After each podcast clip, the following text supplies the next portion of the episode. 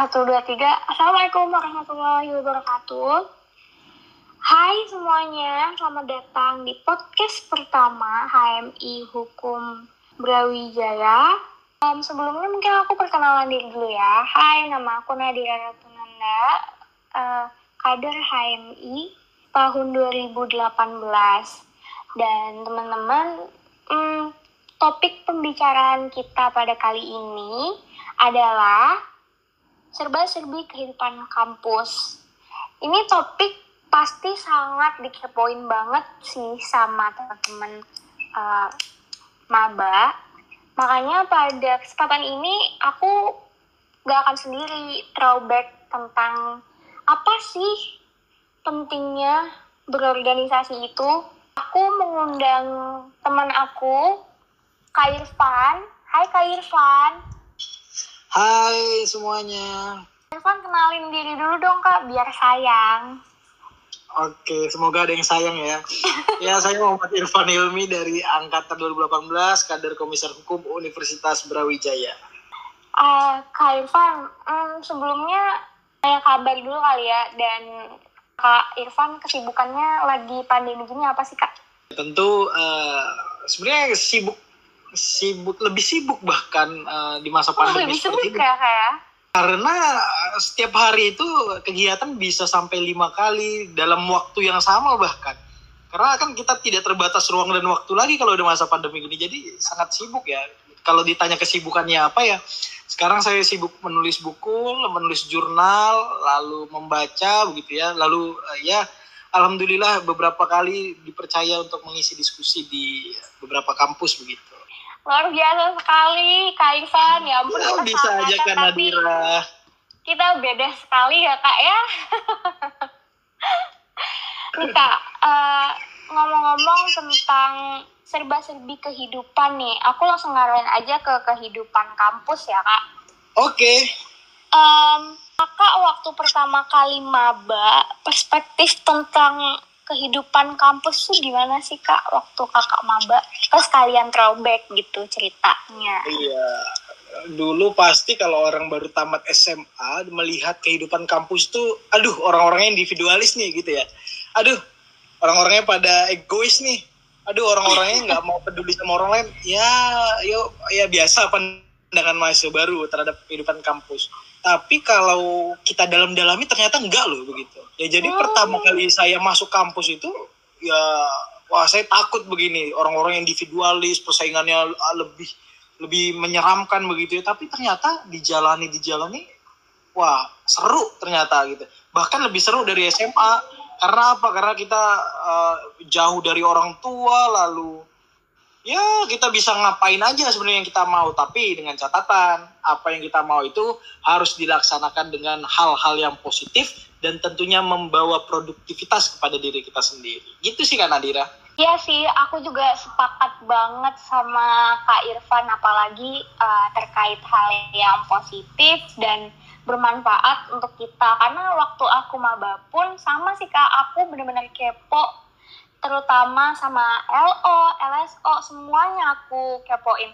In, uh, organisasi internal, eksternal, semuanya aku kepoin. Kayaknya Kak Irfan juga kayak gitu pasti ya Kak ya? Iya tentu harus seperti itu kan Nadira. Karena apa? Karena kalau kita nggak kepo dan hanya dengar kata-kata orang, nah kata-kata orang ini kan jahat-jahat ya. Ada yang bilang, uh -huh. hey jangan masuk organisasi itu, organisasi itu jahat.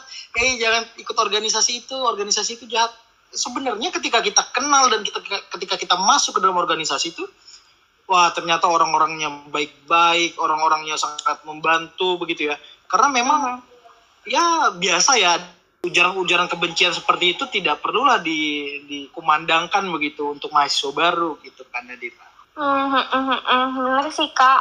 Uh, aku pun juga sama pada waktu aku maba juga aku banyak mendengar uh, stigma-stigma negatif begitu ya kak.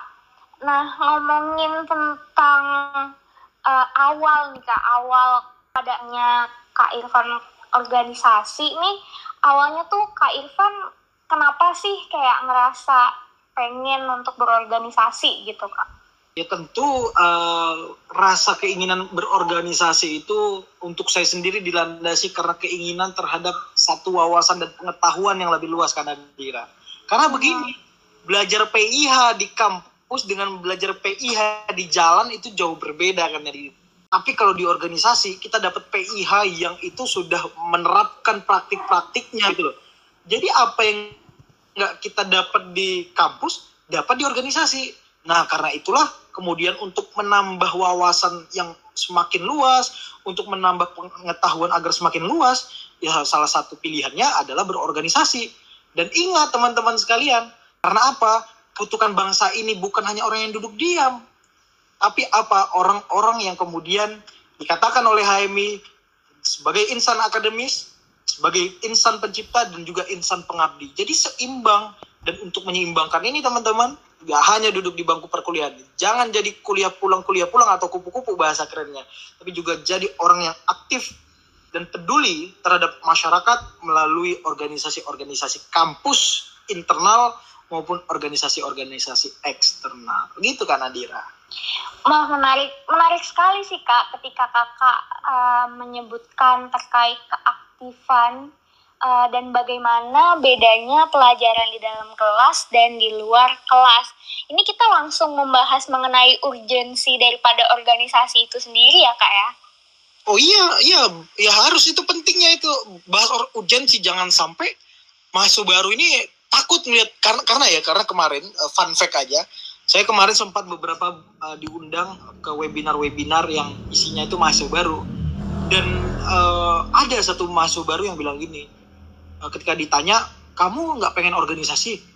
Nggak kayaknya kak. Kenapa? Ditanya sama kakak kelasnya begitu. Uh, saya takut uh, terlambat lulus begitu ya Allah saya bilang ini kan ini sepertinya nggak ngerti ini urgensi organisasi begitu nah orang-orang yang seperti ini saya pikir akan terjebak di dalam satu pragmatisme. Apa sih pragmatisme? Satu pola pikir yang dia hanya menggantungkan kepada satu hal dan yang digantungkan hanya kepada bangku perkuliahan tanpa menggantungkan kepada aktivitas sosial, aktivitas interaksi terhadap sesama mahasiswa. Ya satu-satunya jalan ya salah satunya ya organisasi dong tentunya dan kalau kita tahu urgensi pasti kita rame-rame nih.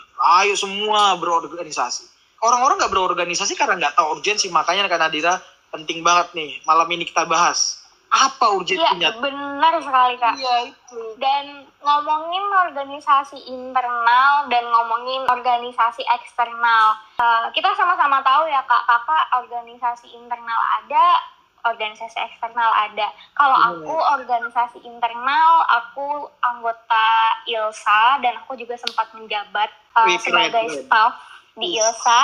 Mantap.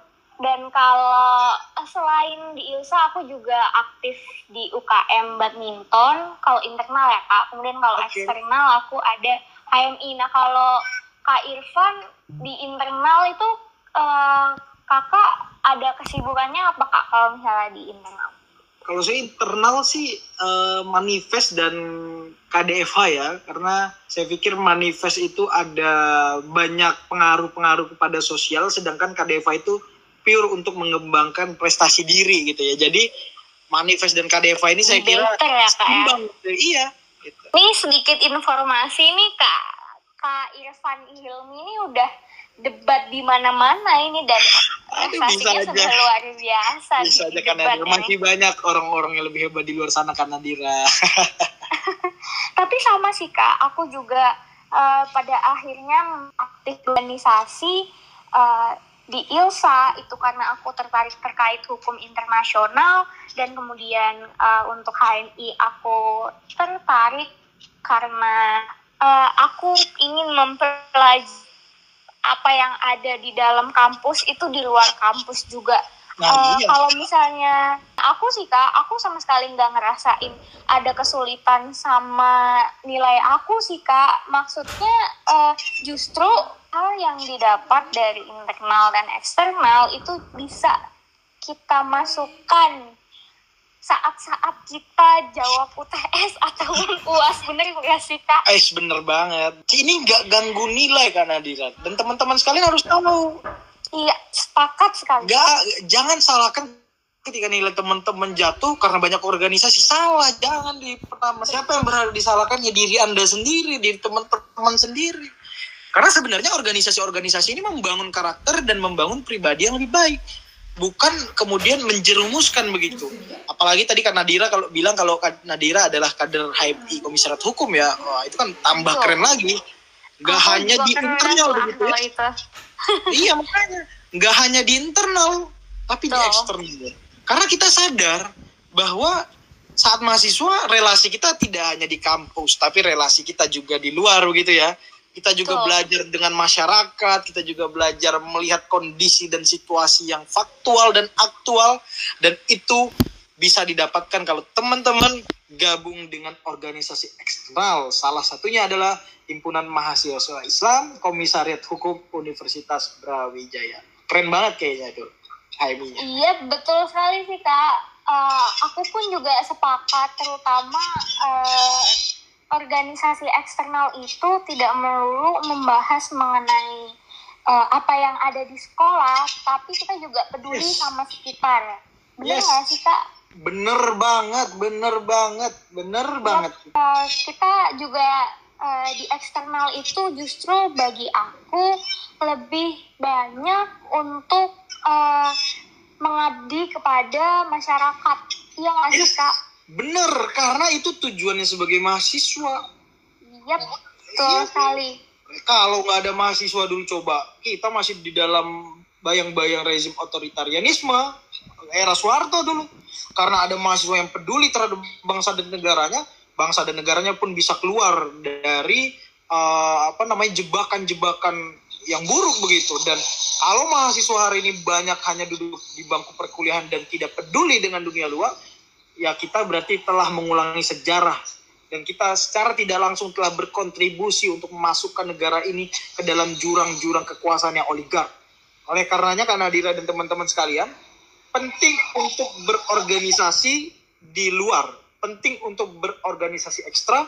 Kenapa? Karena pengabdian pertama terdepan saat mahasiswa bisa dilakukan dengan organisasi-organisasi ekstra. Tapi nggak menutup kemungkinan juga loh uh, untuk organisasi-organisasi intra kampus dalam melakukan pengabdian. Contohnya apa? Ada manifest.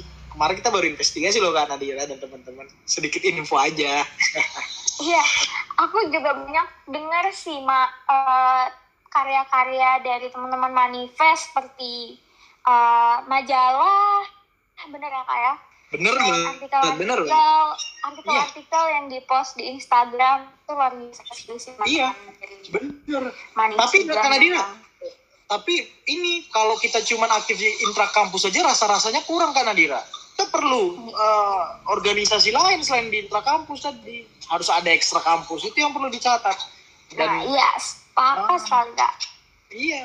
Dan salah satunya Tapi, adalah himpunan mahasiswa Islam gitu. Oh Memang betul sekali kak. Nah, cuman kak ini sih yang saya sangat sayangkan sekali dan ini juga uh, salah satu pertanyaan nih banyak sekali uh, kemarin ketika kita membuka session question and answer kak banyak sekali pertanyaan terkait uh, stigma negatif daripada organisasi eksternal itu tidak baik. Nah, kalau dari pandangan Kak Irfan sendiri stigma negatif itu dari mana dan bagaimana ya cara menjawab daripada stigma negatif itu sendiri? Ya kalau ya saya banyak ya mendengar itu ya bahwa misalnya himpunan mahasiswa Islam itu kita dituduh radikal, kita dituduh Islam yang sesat, bahkan ada yang bilang kita Syiah. Aduh, saya cuman geleng-geleng kepala aja nih ngeliat-ngeliat orang kayak gini.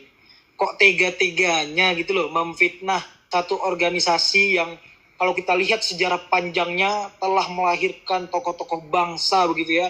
Kita tahu nama seperti Bapak Yusuf Kala, Prof. Mahfud MD, Bapak Anies Baswedan, bahkan pejuang kemanusiaan kita Munir Said Talib yang sudah almarhum itu berproses dari himpunan mahasiswa Islam.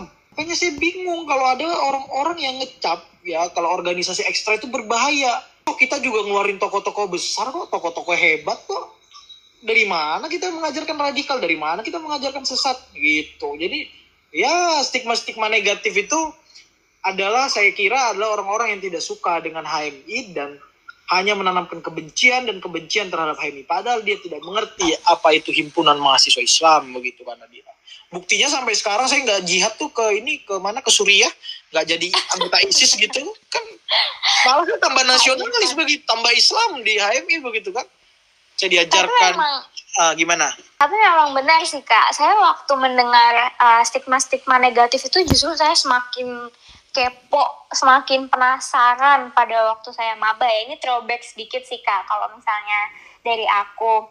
Nah tadi kalau misalnya dari kak Irfan uh, aku tadi kayaknya sedikit memotong suatu hal yang penting gitu. Boleh kak Irfan dilanjutkan mungkin?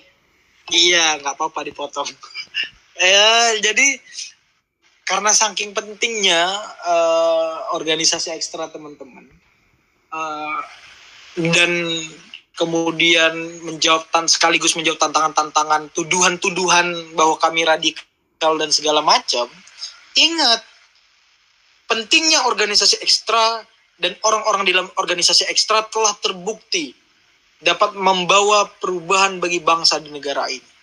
Ya tadi seperti saya sebutkan tadi nama-nama besar yang telah membawa peradaban Islam dan peradaban Indonesia lebih maju ke depan. Kalau kita dituduh radikal, kalau kita dianggap radikal, mungkin kalau kita dianggap radikal ya, dan itu terbukti, mungkin kader-kader komisariat hukum dan himpunan mahasiswa Islam di seluruh Indonesia mungkin hari ini udah rame-rame jadi anggota ISIS. Tapi ternyata karena kita digembleng Islam yang uh, rahmatan lil alamin, digembleng dengan rasa nasionalisme, digembleng dengan rasa moderat, kemodernan dan penuh cinta terhadap bangsa dan negara, akhirnya uh, kader-kader insan-insan dari himpunan mahasiswa Islam ini bertumbuh menjadi orang-orang yang dibutuhkan oleh bangsa dan negara. Kan bertolak belakang tuh dengan yang bilang kalau Haimi radikal. Jangan-jangan kan Nadira, orang-orang yang bilang kayak gitu tuh yang sebenarnya radikal dan benci terhadap kemajuan bangsa dan negara tuh. Bisa jadi tuh kan. Saya pun ketika saya maba, ketika pertama sekali saya dengar stigma-stigma negatif itu saya juga berpikiran yang sama sih kak. Sejujurnya. Dan ini menarik sekali untuk dibahas lebih lanjut di podcast selanjutnya benar nggak sih Kak Irfan? Harusnya sih semoga uh, teman-teman mau dengar karena kita mungkin akan mengulik lebih dalam lagi sebenarnya apa itu HMI dan apa itu pentingnya HMI. Karena kalau sekarang kita bahasnya general dulu karena di ya kita kasih sekali sih, Kak. sedikit kode-kode rahasianya aja dulu apa pentingnya HMI. Nanti di podcast selanjutnya kita akan bahas HMI yang lebih mendalam dan pentingnya himpunan mahasiswa Islam terhadap kemajuan bangsa dan negara dan tentunya terhadap diri kita semua. Begitu kan Nadira? Iya, benar sekali sih uh, pendapat daripada Kak Irfan ini. Um, mungkin waktunya kita sudah untuk say bye bye kak. Um, ya. Tapi ada kan nanti podcast kedua ada nanti kan kak?